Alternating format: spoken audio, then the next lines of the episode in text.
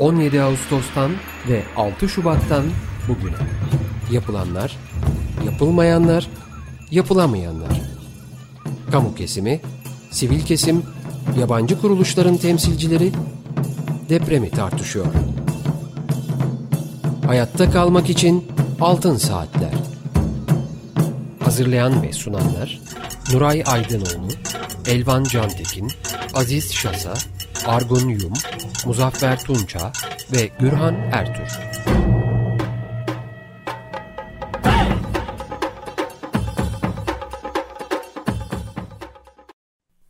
...95.0 Açık Radyo'da Altın Saatler programı deprem özel yayınındayız. Dünyanın Cazı programının yapımcısı Sanat Deli Orman'a çok teşekkür ediyoruz. Programı şu anda Elvan Can Tekin ve ben Gürhan Ertür birlikte sunacağız. Sanıyorum diğer arkadaşlarımız da yapımcı arkadaşlarımız da biraz sonra bizimle birlikte olacaklar. Telefon numaramız alan kodu 212 343 40 40.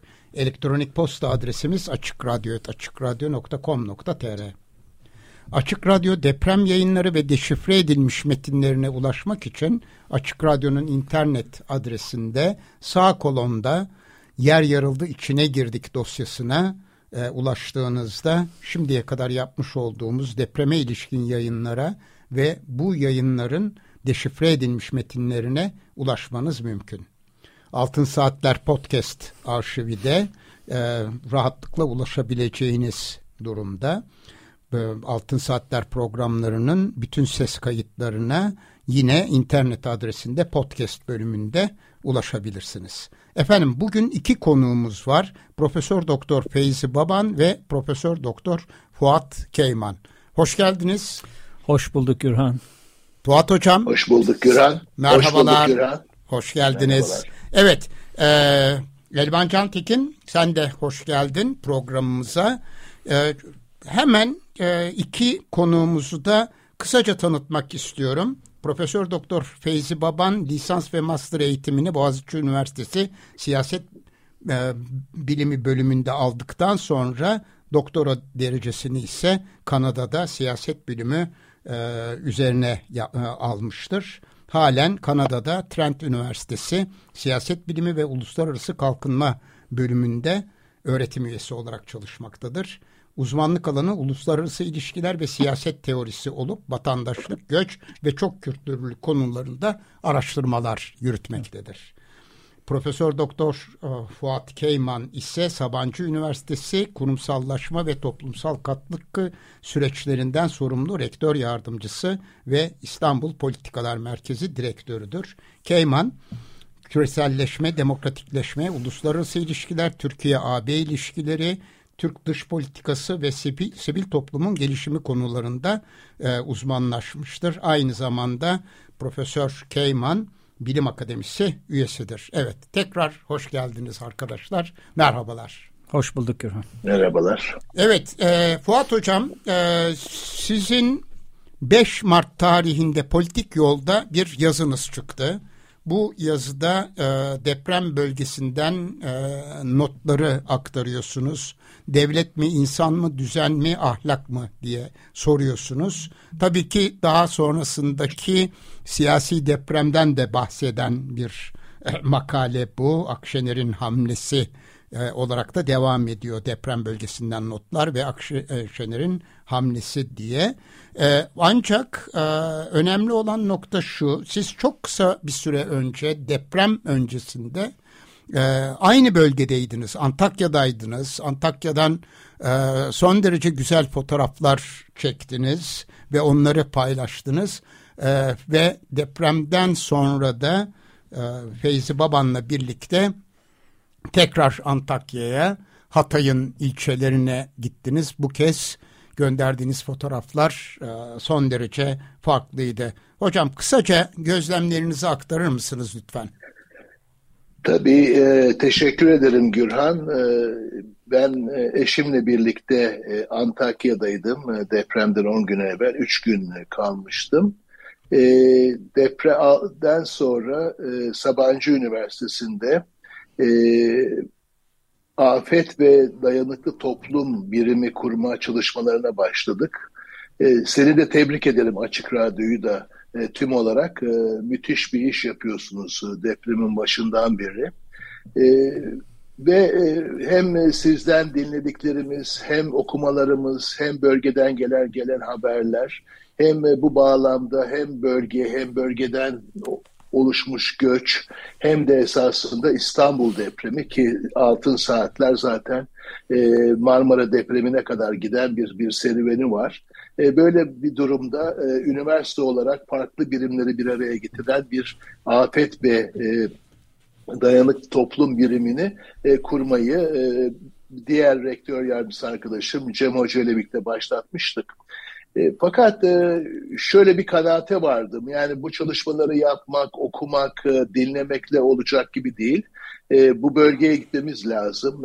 Özellikle bazı sivil toplum örgütleriyle yaptığımız toplantılarda, konuşmalarda yani Hat Hatay tabii genel biliyorsunuz. Hatay içinde Antakya'nın çok kötü bir durumda olduğu. Aynı şekilde Gaziantep'in ilçeleri olan Nur Dağı, e, İlyas Bey, e, Feyzi Paşa Köyü falan bunların çok çok kötü olduğu. İskenderun'un e, açık radyodan da bir arkadaşımızı kaybetmiştik. Belli yerlerinin çok kötü oldu. O yüzden ben Feyzi arkadaşıma teklif ettim.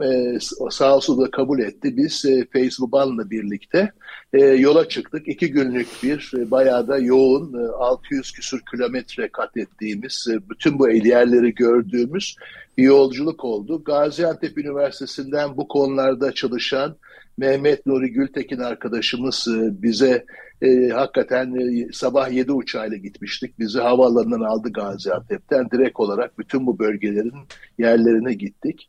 Ben e, genel olarak şunu söyleyeyim, e, yani depremleri belli zamanlarda örneğin en büyüklerinden biri e, Marmara depremidir. E, Gürhan sen de oralarda çok çalıştın, ondan sonra zaten bu programlar başladı.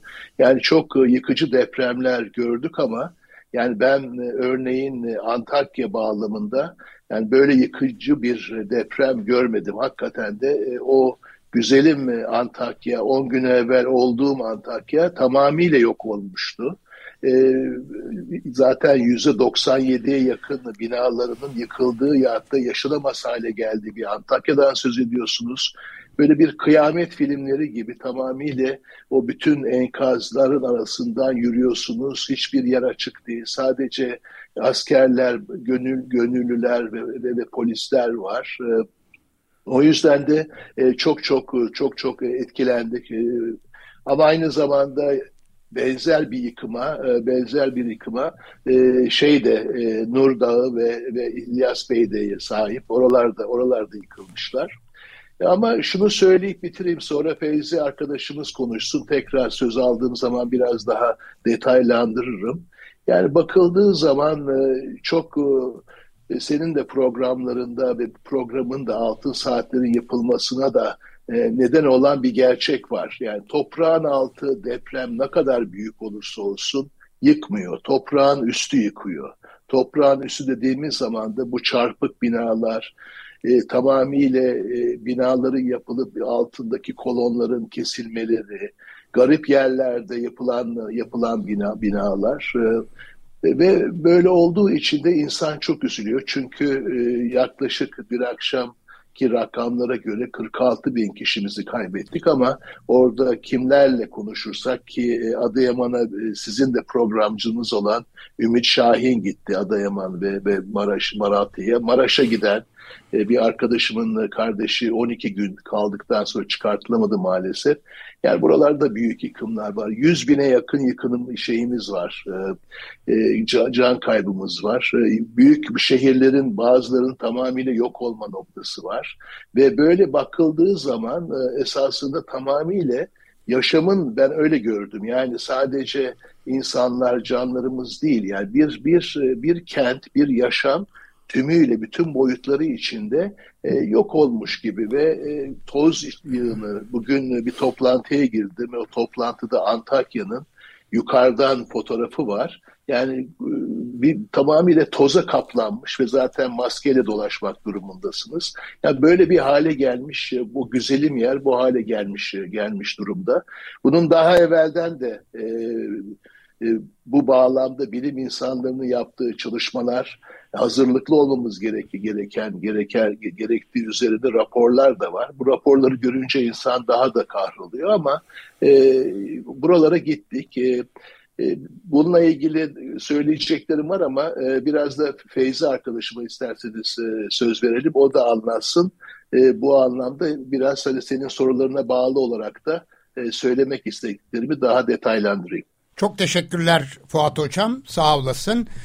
evet Feyzi sen bölgeyi önceki ziyaretlerinden de çok yakından biliyorsun. Evet. Çünkü hem Türkiye'de hem de e, uluslararası planda e, mültecilere ilişkin e, çalışmaları e, Kim Riegel ile birlikte e, yürüttünüz e, ve e, sanıyorum senin için de çok çarpıcı evet. olmuştur. Hemen e, Kanada'dan kalktın, geldin ve deprem bölgesine gittin. Senin gözlemlerini dinleyelim lütfen. Evet. Çok teşekkürler Gürhan. Fuat Keyman e, çok e, güzel bir özet zaten sundu bize e, e, yıkımın boyutunu anlatan. Çünkü burada ilginç olan bir şey tabii e, yani orada olan felaketin boyutunu ancak oraya gittiğiniz zaman anlayabiliyorsunuz. Yani uzaktan kameranın televizyonlarda gördüklerimiz olmuyor falan çünkü, yeterli değil evet, tabii. yani çünkü o kameranın bir filtreleme, bir e, araya mesafe koyma özelliği var. Yıkımın e, boyutunu ancak orada anlayabiliyorsunuz. Ben de e, demin senin bahsettiğin gibi 2015 senesinden beri e, e, o bölgede e, Antep, Antakya, Urfa, Adana buraya şeye kadar e, İstanbul'a kadar e, göçmenlerle ilgili bir araştırmayı zaten yürütmekteydim e, Kanadalı iki meslektaşımla beraber Kim Reigel'ı bahsettin. O da kendisi de burada gelemedi e, deprem bölgesine ama o da şu anda burada. E, ve bu deprem olduğunda tabii e, Fuat Keyman da e, söyleyince hemen oraya gidip görmek istedim. Bir tanesi tabii dayanışma açısından. Çünkü 7-8 e, senedir orada hem akademisyen hem sivil toplum temsilcisi arkadaşlarımızla çalışıyoruz. Mehmet Nuri Gültekin bahsetti e, Fuat Hoca, e, Kırk Ayak Derneği, a, diğer sivil, sivil toplum örgütleri. E, bunları gidip görmek, onlarla birlikte olmak istedik. Bir de tabii e, yani burada olup biteni anlamak istedik. E, benim e, Fuat Hoca'nın söylediklerine ekleyeceğim e, şu, yani oradaki e, yıkımın boyutu bir de şu açıdan insanı dehşete düşüyor. E, alanın büyüklüğü. Yani bir e, bin e, kilometre kareye yakın bir alandan bahsediyoruz. Dolayısıyla işte Antep'ten çıktığınız zaman yani e, Nurdağ, İslahiye, Feyzi Paşa, Hassa, Kırıkhan, ondan sonra Antakya, Asüs üzerinden İskenderun, e, oradan devam edip işte Maraş, Adıyaman gittiğiniz zaman bitmek bilmeyen bir yıkım.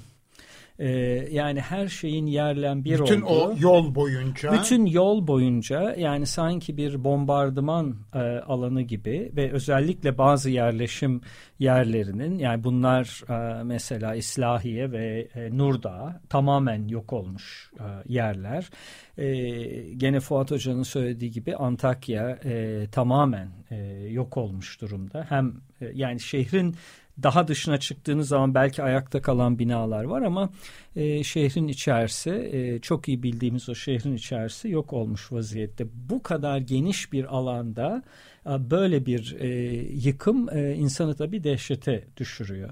Burada da iki şey bunlardan bir tanesi o e, alandaki yıkımı gördüğünüz zaman bunun öyle bir senede falan toplanacak bir şey olmadığını yani bu oradaki yıkımın, o yaraların sarılıp hayatların normale dönmesi için bir sene gibi telaffuz edilen e, sürenin doğru olmadığını görüyorsunuz. O da tamamen yapılar yapılacak, insanlar içine girdi mi her şey bitecek Tabii. gibi planlanıyor tabii. ki mümkün, mümkün değil. değil. Gibi. Yani o, o bile mümkün değil ama tabii bunu derken bunu da şöyle parantez arasında söylemek istiyorum. Ee, yani benim gördüğüm çok az konuşulan e, bir konu. 13 milyon insan etkilendi e, bu depremden. E, 2 milyona yakın insan bölgeyi terk etti. Başka yerlere gitti. Çevre illere gitti. imkanı olan başka yerlere gitti. Bir kısmı hala orada. Çadırlarda, e, konteynerlarda yaşıyorlar. Ama e, bu insanların yani bu afete maruz kalmış um, olan insanların henüz daha sesini doğru dürüst duyamıyoruz. Yani belki bölük pörçük o yaşanan felakete anlıyoruz fakat onların sesine daha hala kulak veremiyoruz. Ve e, bölgede bizim gördüğümüz de tabii orada e, konuşmalarımızdan e, şu anda çok da fazla kulak veren yok. E, yani bu bir Maalesef. senede zaten e, orada o inşaat faaliyetinin e, başlayacak olması bile belki de çok fazla dinlenilmediğini gösteriyor. Çünkü bazı insanlar hala daha cenazelerini almaya çalışıyorlar.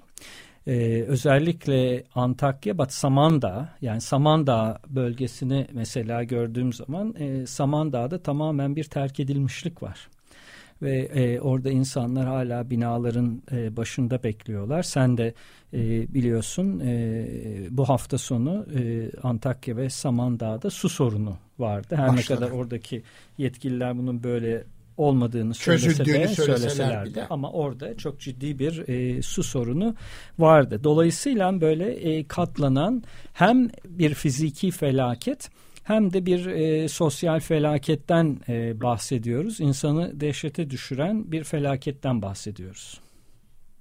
Evet maalesef öyle ve aynı zamanda tabii e, fiziki e, felaketin içinde çok ciddi çevre sorunları var. Çok ciddi. Hele ki Türkiye'de artık kuraklığın da başladığını düşünürsek evet. e, özellikle o bölgeyi son derece yakından e, ilgilendirecek e, gibi görünüyor.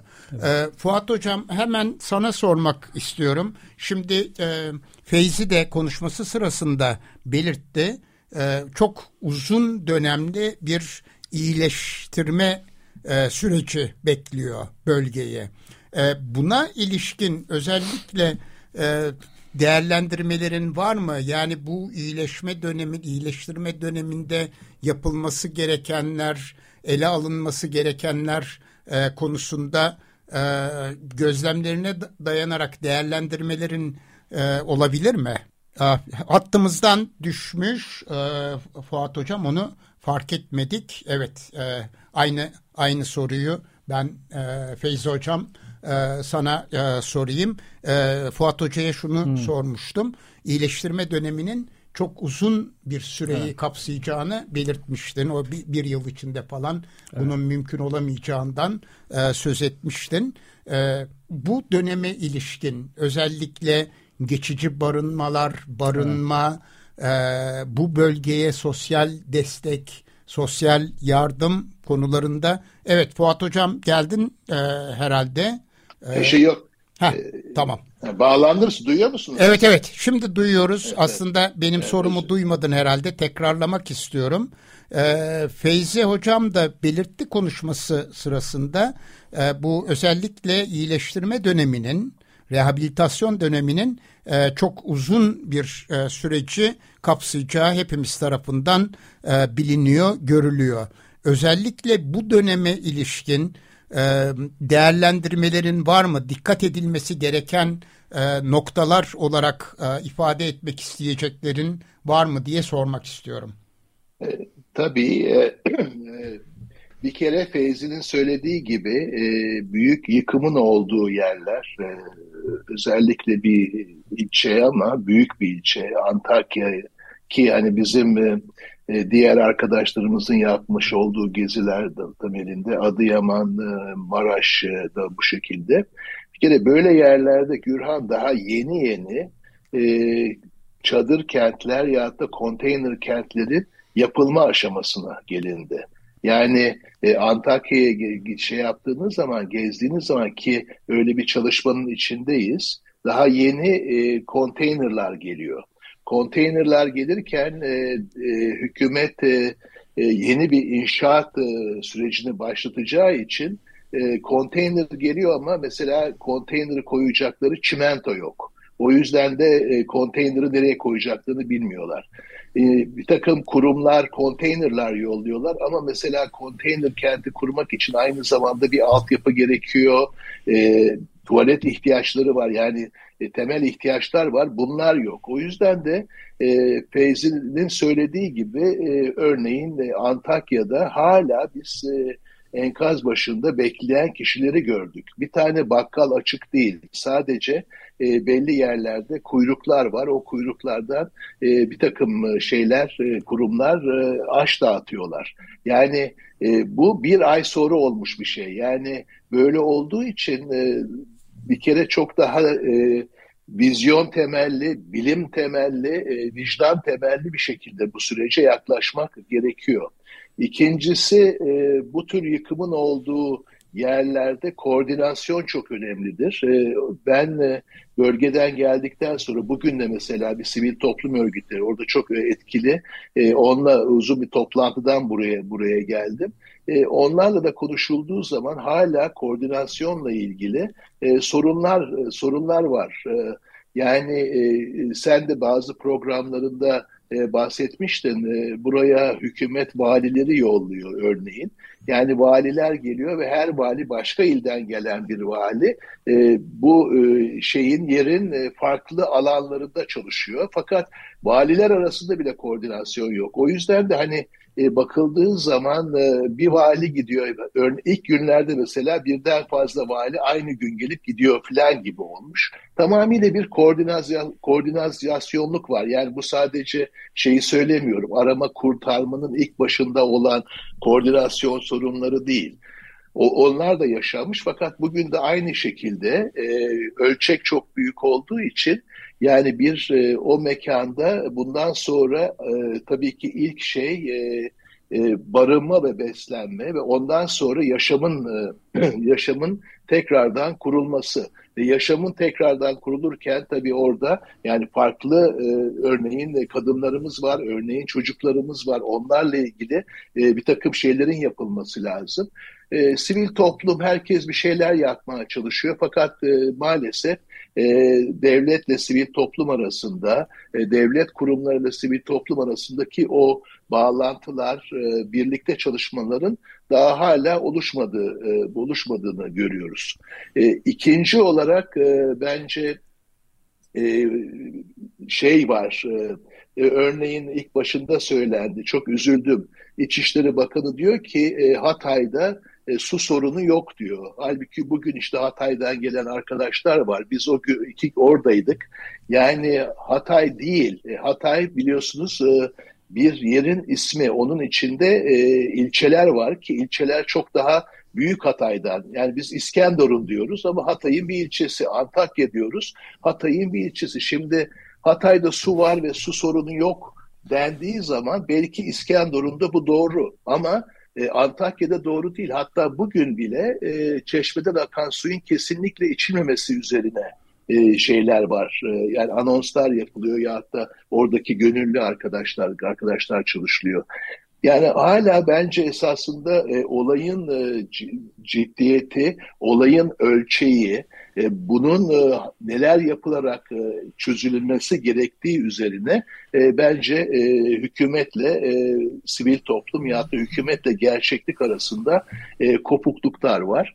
Üçüncü olarak e, ben e, o bölgeye gittiğim zaman sadece hani oradaki biraz evvel Feyzi'nin söylemiş olduğu sen de programlarını aldın. Kemal vardır Kırk Ayak'tan, diğer evet. sivil toplum örgütleri onlarla da konuşuyorsunuz. İnsanın yani ağlıyorsunuz, ağlayamıyorsunuz, yutkunuz tutuluyor.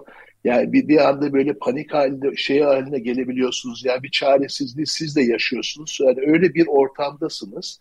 Bence bu ortamda e, ahlak, vicdan çok önemli. Yani o insanlara el uzatmak, o insanları dinlemek, o insanla birlikte olmak. Başka bir programda ben söylemiştim. Yani üniversitede hoca olduğum için Feyzi'de Kanada'da hoca, onun oturur Kanada'da olduğu için sorunları yok ama bizim sorunlarımız var. Üniversiteyi İstanbul'da diğer yerlerde aşmadılar. Yani şu anda esasında üniversitedeki öğrencilerin benim bölgeye gidelim diyorlar, beraber olalım diyorlar. Herkesin oraya gitmesi lazım. Gürhan sen hatırlarsın 99 depreminden sonra Kocaeli Üniversitesi açıldı.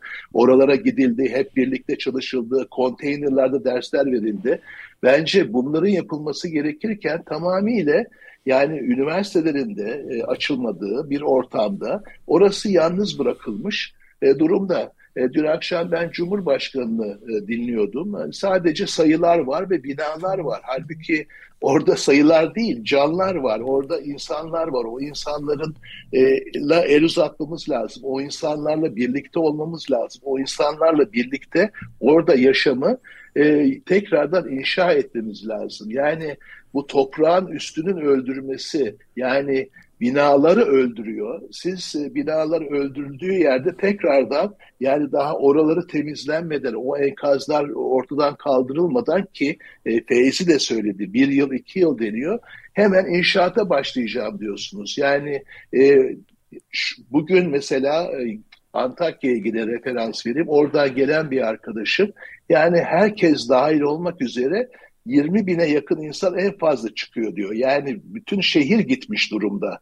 E, o yüzden de e, bence burada e, bütün e, kültürüyle, psikolojisiyle, e, şefkatiyle, vicdanıyla hep birlikte el vererek e, böyle bir duygu içinde e, olmamız gerekiyor. Nebi Sümer e, psikolog e, Sabancı Üniversitesi'nden arkadaşımın çok güzel bir e, lafı vardı. Belki bundan sonraki etapta ondan da biraz bahsederim. Yani sadece ki bölgede sonra Gaziantep'te bizde olan arkadaşlarımız e, şu anda bir travma yaşamıyor. Sadece onlar bu depremin şoku altında değiller. Bütün Türkiye hepimiz kolektif bir travma içindeyiz.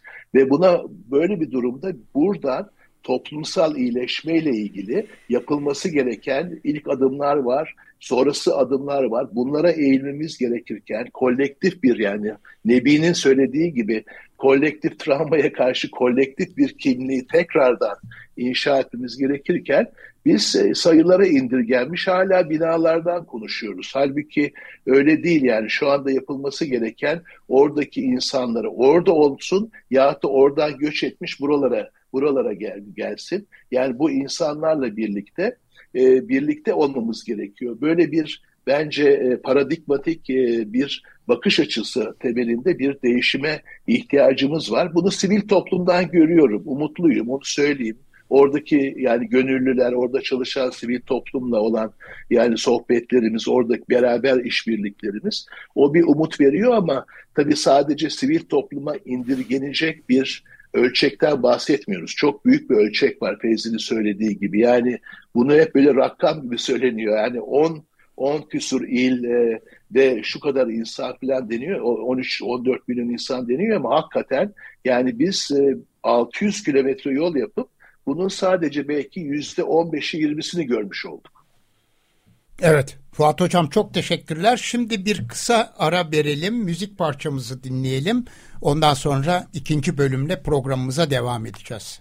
Açık Radyo'dayız. Altın Saatler programı deprem özel yayınının ikinci bölümündeyiz. Konuklarımız Profesör Doktor Feyzi Baban ve Profesör Doktor Fuat Keyman. Evet e, Feyzi Hocam e, Elvan'ın bir sorusu var. E, özellikle bu Suriyelilerle ilgili Suriye'de de depremin e, şiddetli bir etkisiyle karşılaştık. Oradaki can kayıpları, oradaki durum konusunda hiç bilgimiz var mı? Bir de Türkiye'de e, Türkiye. bu deprem sırasında Türkiye'de yerleşik olan sığınmacılarda kayıplar e, evet. konusunda bir bilgi var mı? E, şu anda bu an itibariyle e, Türkiye'de e, e, geçici e, ikamette olan Suriyelilerden 6 bin küsur e, resmi olarak açıklanmış ölü sayısı var. E, yanılmıyorsam 6100'den 6500 e, arasındaydı. E, açıklanmış bir e, sayı vardı. Bunu kim açıkladı hocam? Ee, yani e, İçişleri Bakanlığı'ndan İçiş, yoksa İçişleri Bakanlığı'ndan. Mi? İçişleri Bakanlığı'nın açıkladığı istatistiklerden de bu. Ee, ben en son gördüğümde 6100'dü sonra bugün tekrar bir baktığımda bir 6500 güncellenmiş bir e, rakam vardı. Resmi olan rakam bu. E, ama e, bu rakamın e, çok daha fazla olduğunu tahmin edebiliriz. E, yani orada kimliklerine ulaşabilenler e, benim e, görebildiğim kadarıyla İçişleri Bakanlığı kayıtlarıyla eşleştirilip e, kimliklerine ulaştırabilenler. Ama düzensiz göç de var orada. E, kayıtlarda olmayan e, Suriyeliler de var. Kimliği tespit edilemeyenler var. E, geri dönenler yüzden, var. Geri, 35 bine yakın e, Suriyeli de sınırı geçti. E, evet. E, geriye döndü. E, yani geriye döndü derken bilmiyoruz orada mı kalacaklar, geri mi gelecekler. E, İçişleri Bakanlığı bir geçici olarak onlara e, sınırı geçme izni verdi. 6 ay içerisinde geriye dönmek e, kaydıyla. E, bir de tabii e, depremden sonra e, bu var oldukları, oturdukları, ikamette oldukları illerden e, dışarıya gitme yasağı kalktı. E, biliyorsunuz e, Suriyeliler kayıt aldı, altında oldukları e, şehirlerde kalma zorunlulukları vardı. Seyahat kısıtlaması söz konusuydu. Söz konusuydu. O, o, o evet. seyahat kısıtlaması şu anda e, kalkmış oldu. Fakat e, göç olgusunu şimdi düşündüğümüz zaman oradaki bölgeyi e, yani 1.7 milyon e, Suriyeli sığınmacı o bölgede yaşıyordu. Bunların yüzde sekseni de e, zaten e, Adana, Antep, e, Hatay ve e, Urfa bu da resmi rakam mı? Tabii yani bu tabii 1.7 yani oradaki geçici koruma altındaki evet. e, Suriyeli e, sayısı 1.7 milyona tekabül ediyor. O da neredeyse tabii Türkiye'deki geçici koruma altındaki Suriyelilerin yarısı. E, bu bölgede onların yüzde sekseni de e, bu saydığım dört şehirde e, ikamet ediyordu. E, bu tabii e, yani deprem e, bir korkunç yerinden etmeyi beraberinde getiriyor. Bütün herkes için, o bölgedeki herkes için. Yani 13 milyona yakın insan evinden, barkından, yerinden oldu. Fakat bu türden tabii doğal afetlerde e, kırılganlık e, durumuna göre e, farklı etkileniyor farklı nüfuslar. E, en kırılgan olan nüfuslar e, depremden tabii e, daha fazla etkilenenler. Onun için e, mesela kadınlar, çocuklar yahut da sığınmacılar, e, göçmenler bunlar bu tür afet durumlarında daha da kötü etkilenebiliyorlar. Şu anda tabii um, elimizde e, tam veriler yok ama depremden sonra biliyorsunuz e, zaten depremden önce de var olan e, Suriyeliler hakkındaki e, negatif görüşler daha fazla arttı. E, bazı siyasi parti temsilcileri e, yalan yanlış haberler yaydılar. E, provokasyonda bulundular. E, Suriyeliler zaten özellikle Suriyeli sığınmacıların büyük bir kısmı iyi olmayan durumdaki evlerde yaşıyorlardı. Dolayısıyla e, bu yıkılan özellikle çok zayıf durumda olan yıkılan evlerin e, büyük kısımlarında Suriyelileri, Suriyeli sığınmacıların e, olmuş olması e, şaşırtıcı bir durum değil. E, bunların zaten orada e, zor e, olan hayat koşulları bundan sonra nasıl bir şekilde idame ettireceklerini bilmiyoruz. Yani mesela um, Antakya'da yaşayan e, Suriyeliler bunlar tam nereye e, gittiler bu kısıtlama kalktıktan sonra orada mı kalacaklar? Oradaki iş sektörüne mi dahil olacaklar? Geriye mi gelecekler? E, bunları henüz tabii bilmiyoruz. Yani bunlarla ilgili elimizde e, bir veri yok. Ama o bölgede baktığımız zaman gene e, imkanı olup gidebilen e, oradaki nüfus çevre illere gitti.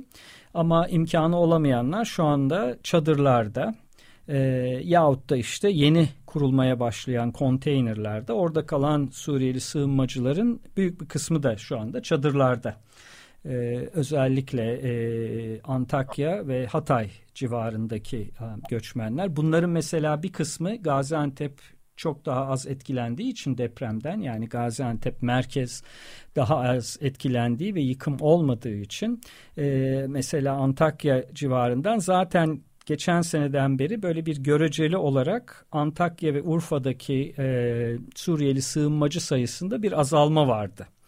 E, oradan yani Antakya'dan Urfa'dan başka yerlere bir geçiş söz konusuydu. E, şimdi kuvvetle muhtemeldir ki e, oradaki Suriyeli sığınmacıların e, bir kısmı daha az etkilenmiş yerlere e, geçebilirler. Ama bütün bunlara baktığımız zaman e, tabii çok büyük bir alt üst oluşu e, bize gösteriyor. Zaten e, göç olgusu depremden önce de hep bizim de söylediğimiz gibi e, Fuat Keyman'ın da bu konuda çalışmaları vardır. Zaten son birkaç senedir iyi yönetilmiyordu ve bu iyi yönetilmemenin sonucunda e, yerel halkla e, göçmenlerin karşı karşıya gelme durumları oluyordu. Yahut da sığınmacılarla ilgili e, aslı e, asları olmayan haberlerin e, çıkması söz konusu oluyordu. E, depremden sonra tabii bunları çok daha fazla e, artarak görüyoruz e, ve bütün e, demin Fuat Hoca'nın e, şey yaptığı altını çizdiği bu sorunların içerisine şimdik e, depremden sonra Türkiye'ye sığınmış olan e, işte 3.4 e, milyon Suriyeli yahut da o bölgedeki 1.7 milyon e, Suriyelilerin hayatının da nasıl olacağını dahil etmiş olacağız. Ama o konuda tabii şu anda sıra gelmediği için ne elimizde sağlıklı bir veri var ne de çok fazla konuşan var o konuyla ilgili. Birleşmiş Milletler bölgede çalışmalarını yürütüyor mu? Birleşmiş Milletler bölgede çalışmalarını yürütüyor ama e, orada çok e, kısıtlı olarak yürütüyor. Zaten e, Birleşmiş Milletler e, Suriyeli sığınmacılar Türkiye'ye geldikten sonra e, zaten sığınmacı e, politikasını yürütmedi. Yani biliyorsunuz e, Birleşmiş Milletler Mülteciler Komiserliği bazı ülkelerde e, bu mülteci ve sığınmacı e, nüfusunun e, yönetimini üstlenir. Türkiye'de öyle bir durum olmadı. Türkiye'de hükümet e, Birleşmiş Milletler'e zaten hiçbir zaman öyle bir görev vermedi. Daha sonra sahada olan özellikle bölgede sahada olan e, yabancı mesela Danish Refugee Council onların açtıkları e, merkezler kapatıldı yahut da, yahut da çalışamayacak e, hale geldi.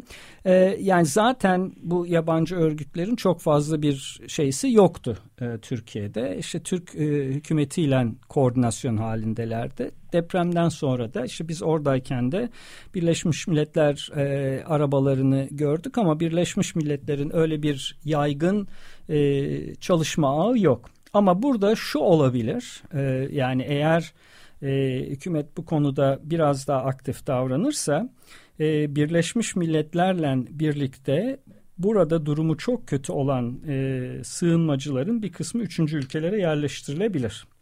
E, çünkü Birleşmiş Milletler daha önce de çok kısıtlı bir şekilde bu koordinasyonu yapıyordu.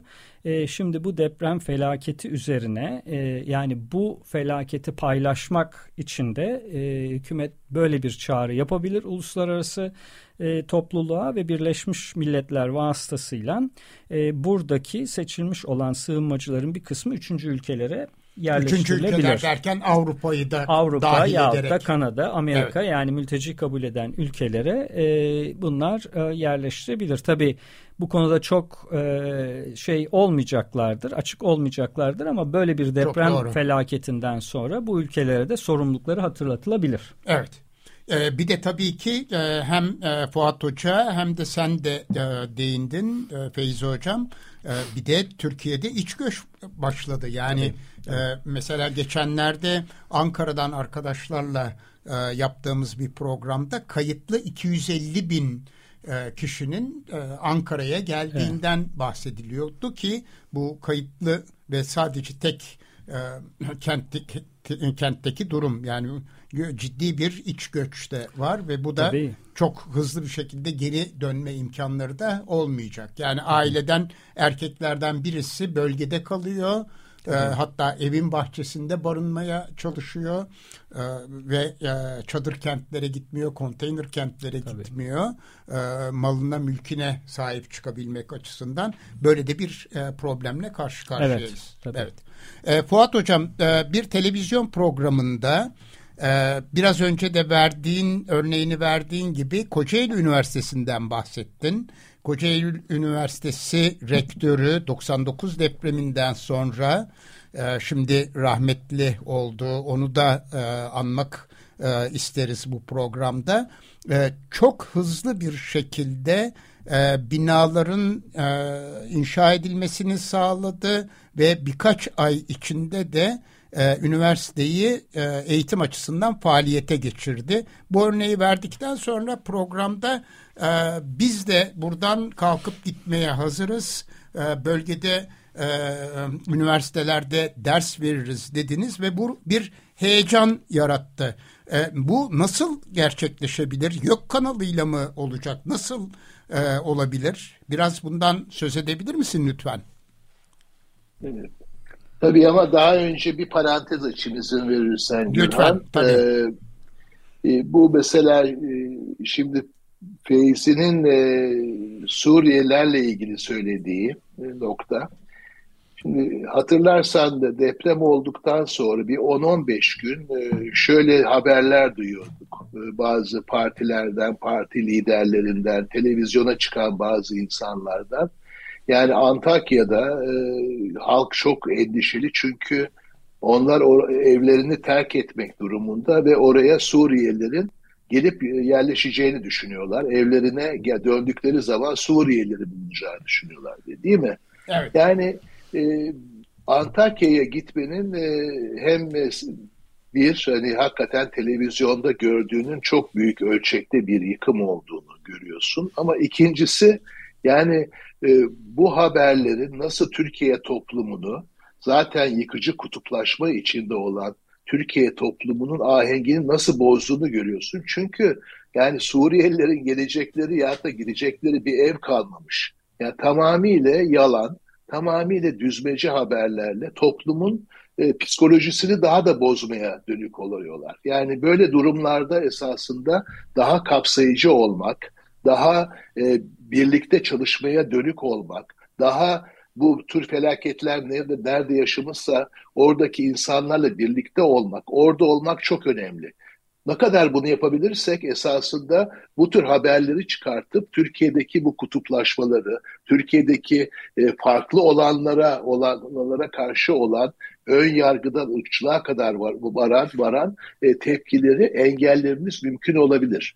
Bu bağlamda da bence yani üniversitelerin açılması, orada da üniversitelerin açılması, bizim o üniversitelere gidip ders vermemiz çok önemli. Çünkü böyle olduğu zaman sadece e, biz orada binalar yapmayacağız. Yaşamın yeniden, yaşamın tek beraberce birlikte yeniden inşa edeceğiz. Hep beraber olacağız. Bu tabii ki e, siyaset biliminde, sosyolojide e, sosyal sermaye denir ve genel güven denir. Ancak bu şekilde güveni biz inşa edebiliriz. Ancak bu şekilde biz güvene dayalı bir bir bir toplumsal kimlik, toplumsal ortam sağlay sağlayabiliriz. Şimdi e, hatırlarsan 17 Ağustos'ta olmuştu deprem. Yani 17 Ağustos'ta Marmara bölgesini vurmuştu. Kocaeli Üniversitesi de çok ciddi hasar almıştı. Kocaeli Üniversitesi'nin rektörü dedi ki ben üniversitemi açacağım, konteynerlarda açacağım ve 15 Ekim'de yani iki aydan daha az bir zaman içinde konteynerlarda dersler başladı. O derslerde öğrenciler geldiler, konteynerlarda kaldılar, konteynerlarda derslerini gördüler, hocalar konteynerlara gidip orada anlattılar. Fakat bu e, oralardaki toplumsal iyileşmenin daha hızlı olmasını sağladı. Şimdi bizim e, bırakın esasında e, buralardaki e, üniversitelerin kapatılmasını, buradaki üniversitelerin muhakkak yüz yüze olması gerekiyor. Oradaki öğrencilerin bizim üniversitelerimize gelmesi gerekiyor.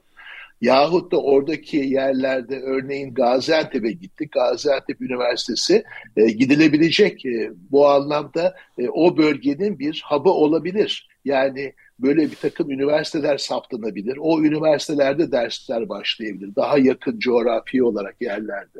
O yüzden de biz e, burada eğitimi yani e, orada e, bir üniversite binası hasar gördü diye e, İstanbul'da, Ankara'da, İzmir'de, hatta Bursa'da ki oralardan da ben e, bir kentler çalıştığım için kentler projesi içinde kentler ve üniversiteler ilişkisini yapan arkadaşlarımdan sürekli haber alıyorum. E, yani sadece Bursa'daki üniversiteyi kapatmanın e, Bursa'daki öğrenci kadar o etrafta olan e, şeye kadar yani orada çalışanlar, orada iş kuranlar yani bir mekanın tamamıyla sessizleştirilmesi demek. Halbuki tam tersine bu mekanların birleştirilmesi gerekiyor. Bu mekanlar arası diyaloğun sağlanması gerekiyor. Ben o bağlamda söyledim.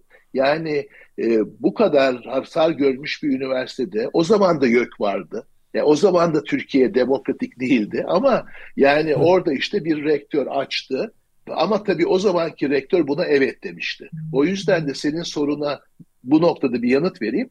Tabii ki YÖK'ün evet demesi gerekiyor. Çünkü bizim YÖK sistemimiz var ve YÖK sistemi içinde çalışıyoruz. Ama YÖK hakikaten evet desin. Yani oralarda açılsın.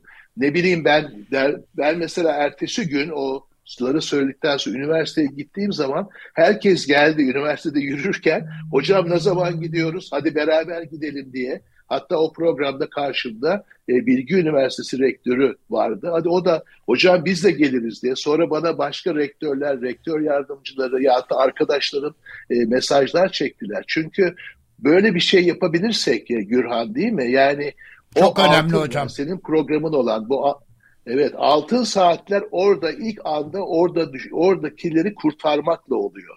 Ama oradakileri kurtarmakla iş bitmiyor. Ondan sonra yaşamı tekrardan çok boyutlu psikolojisiyle, barınmasıyla, beslenmesiyle, sivil toplumuyla, güveniyle, toplumsal iyileşmesiyle tekrardan bizim ya, yeniden kurmamız gerekiyor. Bunu biz oradaki mekanları kapatırsak, buradaki yerleri kapatırsak, yüz yüze eğitim yerine online eğitime doğru gider isek e, o zaman nasıl yapacağız?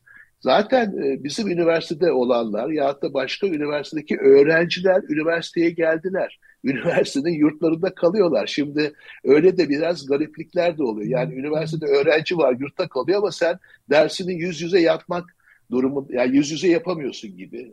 Bu olmaz. Yani bu bu esasında bence e, yani ahlak ve vicdan derken şunu söylemek istiyorum. Yani sadece normatif bir şey değil. Ahlak ve vicdan bu can kaybından hakikaten yüreğin sızlamasıdır. Yürek sızlarken aklımla yanıt verip orada bu sorunun en iyi şekilde nasıl çözebilirim dersek biz esasında e, bir şey yapabiliriz. Bir şey yapmış oluruz daha daha doğrusu. Şimdi ben e, Feyzi Hoca ile birlikte e, orada gittim. Yeni yani 150 tane gönüllünün olduğu bir yere gittim çadır kentler kuruluyor. Onlar beslenmeyle ilgili, giyimle giyimle ilgili hakikaten yani günde 15-16 saate yakın çalış çalışıyorlar. Türkiye'nin farklı yerlerinden gelen gençlerimiz var, sivil toplumumuz var. Onlar oraya gitmişler. Hatta bugün e, bu toplantıda e, yani böyle şeyler var. Kuryesiyle gidenler var. Bir tane engelli arkadaşımız dört otostopla oraya gidebilmiş ve hala orada orada çalışıyor ve e, orada çalışmasının mutluluğunu yaşıyor. Ondan bir şekilde beslenme şeyini alan, e, torbasını alan bir çocuk ya da birisi orada yani o psikolojisini düşünün o daha da düzelmiş oluyor. Çünkü yani birlikte bir şey yapıyorlar, paylaşıyorlar ve bir şeyi bir değiştirmiş oluyor oluyorlar. O yüzden de ben e, burada yani üniversiteler açılsın, Oralara gidelim, öğrenciler birlikte olsunlar. Bizim öğrencilerimiz orada gidip projeler yapmaya hazırlar. O yüzden de oraları yani Feyzi demişti yani bugün geldiğimiz noktada yani orası konuşmuyor diye. Hakikaten de yani orası nasıl konuşulması konuşması lazım. Oranın konuşması demek ama e, bütün bu kanalların açılması, oralara gitmek demek. Yani orasının konuşması o kadar sadece konuşabilsin demekle e, müm mümkün mümkün değil. O yüzden bence e, burada devlet de olması lazım, sivil toplumda olması lazım, üniversitelerin açık olması lazım e, ve bu anlamda bizim önümüzde çok önemli bir iş olduğunun bilincine varmamız lazım. Sadece binayı yapmak değil. E, bana gelen şey şu şekilde bitireyim. Yani o mekana gittiğiniz zaman şunu görüyorsunuz. Yani sadece canlarımızı kaybetmedik. Aynı zamanda bir mekanı estetiğiyle, bir mekanı o zevkleriyle, bir mekanı doğasıyla, bir mekanı canlılarıyla kaybetmiş, kaybettik. Yani orada büyük bir yıkım var. O yüzden de biz eğer buradan yeniden inşaya geçeceksek sadece binayla değil, yaşamın doğası, insanı, canlısı, gezegeniyle gezegeniyle tekrardan inşa etmemiz gerekiyor. Ki sen söyledin ya da Feyzi söyledi. O bağlamda da çalışıyoruz Ümit Şahin'le birlikte. Sizin de programcı, programcınızdır. Evet. Yani bu bölgeyi çok ciddi bir kuraklık ve susuzluk bekliyor. Yani o anlamda düşünebiliyor musunuz? Konteyner kenti kursanız da, konteynere insanları kursa, koysanız da eğer siz yani bunları oraya koyup hiçbir şey yapmazsınız, sadece beslenmesi, sadece temel ihtiyaçlarıyla ilgilenirseniz o susuzlukla bu insanlar ne yapacaklar? O yüzden de e, bence bununla bunu çok boyutlu düşünmek lazım ama çok boyutlu düşünürken biraz hani kalbimizle bakıp aklımızla karar vermemiz gerekiyor. Evet hocam son derece önemli e, görüşlerini açıkladın çünkü hayatta kalanların e, hayata bağlanmasını sağlayabilmek, onların yaşamlarını düzene kavuşturabilmek açısından özellikle bölge dışındaki desteklerin son derece önemli olacağını e, görüyoruz. Daha Tabii. önceki tecrübelerimizden de hareketle ve özellikle eğitim konusunda alınabilecek önlemler ve destekler e, son derece önemli. Yani bu e, sadece bölge içinde e, bir grup e, sivil toplum gönüllülerinin çalışmasıyla değil, Türkiye'nin topyekün e, bu bölgeye tabii, destek tabii, vermesiyle tabii. hallolabilecek e, bir e, konu. Bakın hala anlattıklarınızdan da e, görülüyor ki akut dönemi geçememişiz. Yani o rehabilitasyon dönemine bile başlayamamışız ki e, önümüzdeki günlerde de bunun çok acısını e, çekeceğiz. 32. gündeyiz. Programımızın e, sonunda ben e, Feyzi hocamdan da önerilerini ve tavsiyelerini almak istiyorum. Evet hocam. Çok teşekkürler Gürhan. E, Fuat zaten çok e, kapsamlı bir şekilde anlattı. Benim çok fazla e, ekleyeceğim bir şey yok ama e, şunu söylemek istiyorum. E, Fuat'ın söylediğiyle devam ederek e, şimdi orada e, fiziksel yıkımı düşündüğümüz zaman e, bunun ötesindeki yıkımı düşünmek durumundayız şu anda. Düşünün ki e, bir sabah uyanıyorsunuz e, sade eviniz değil ailenizin büyük bir kısmı gitmiş. Orada mesela bütün ailesini kaybeden tek başına kalan insanlar oldu. Yahut da e, enkazın önünde bir hafta beklemişsiniz cenazenizi e, alabilmek için. E, korkunç bir psikolojik yıkım ve travma var e, orada. Tabii bu konuyla ilgilenenler e, bundan ilgili çalışıyorlardır. Ama bu travmalarla e, baş etmenin yollarından bir tanesi hiç kuşkusuz ki toplumsal dayanışmayı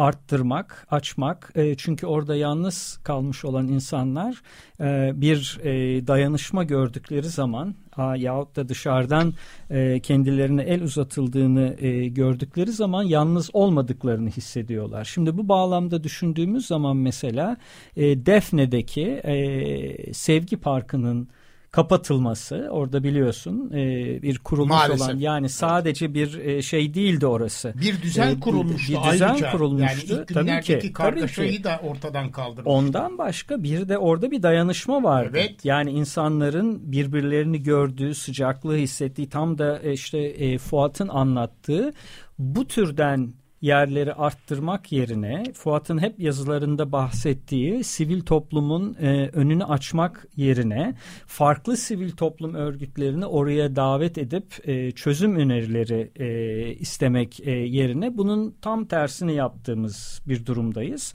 O da tabii bu senin bahsettiğin rehabilitasyon döneminin gecikmesine yol açıyor. Evet.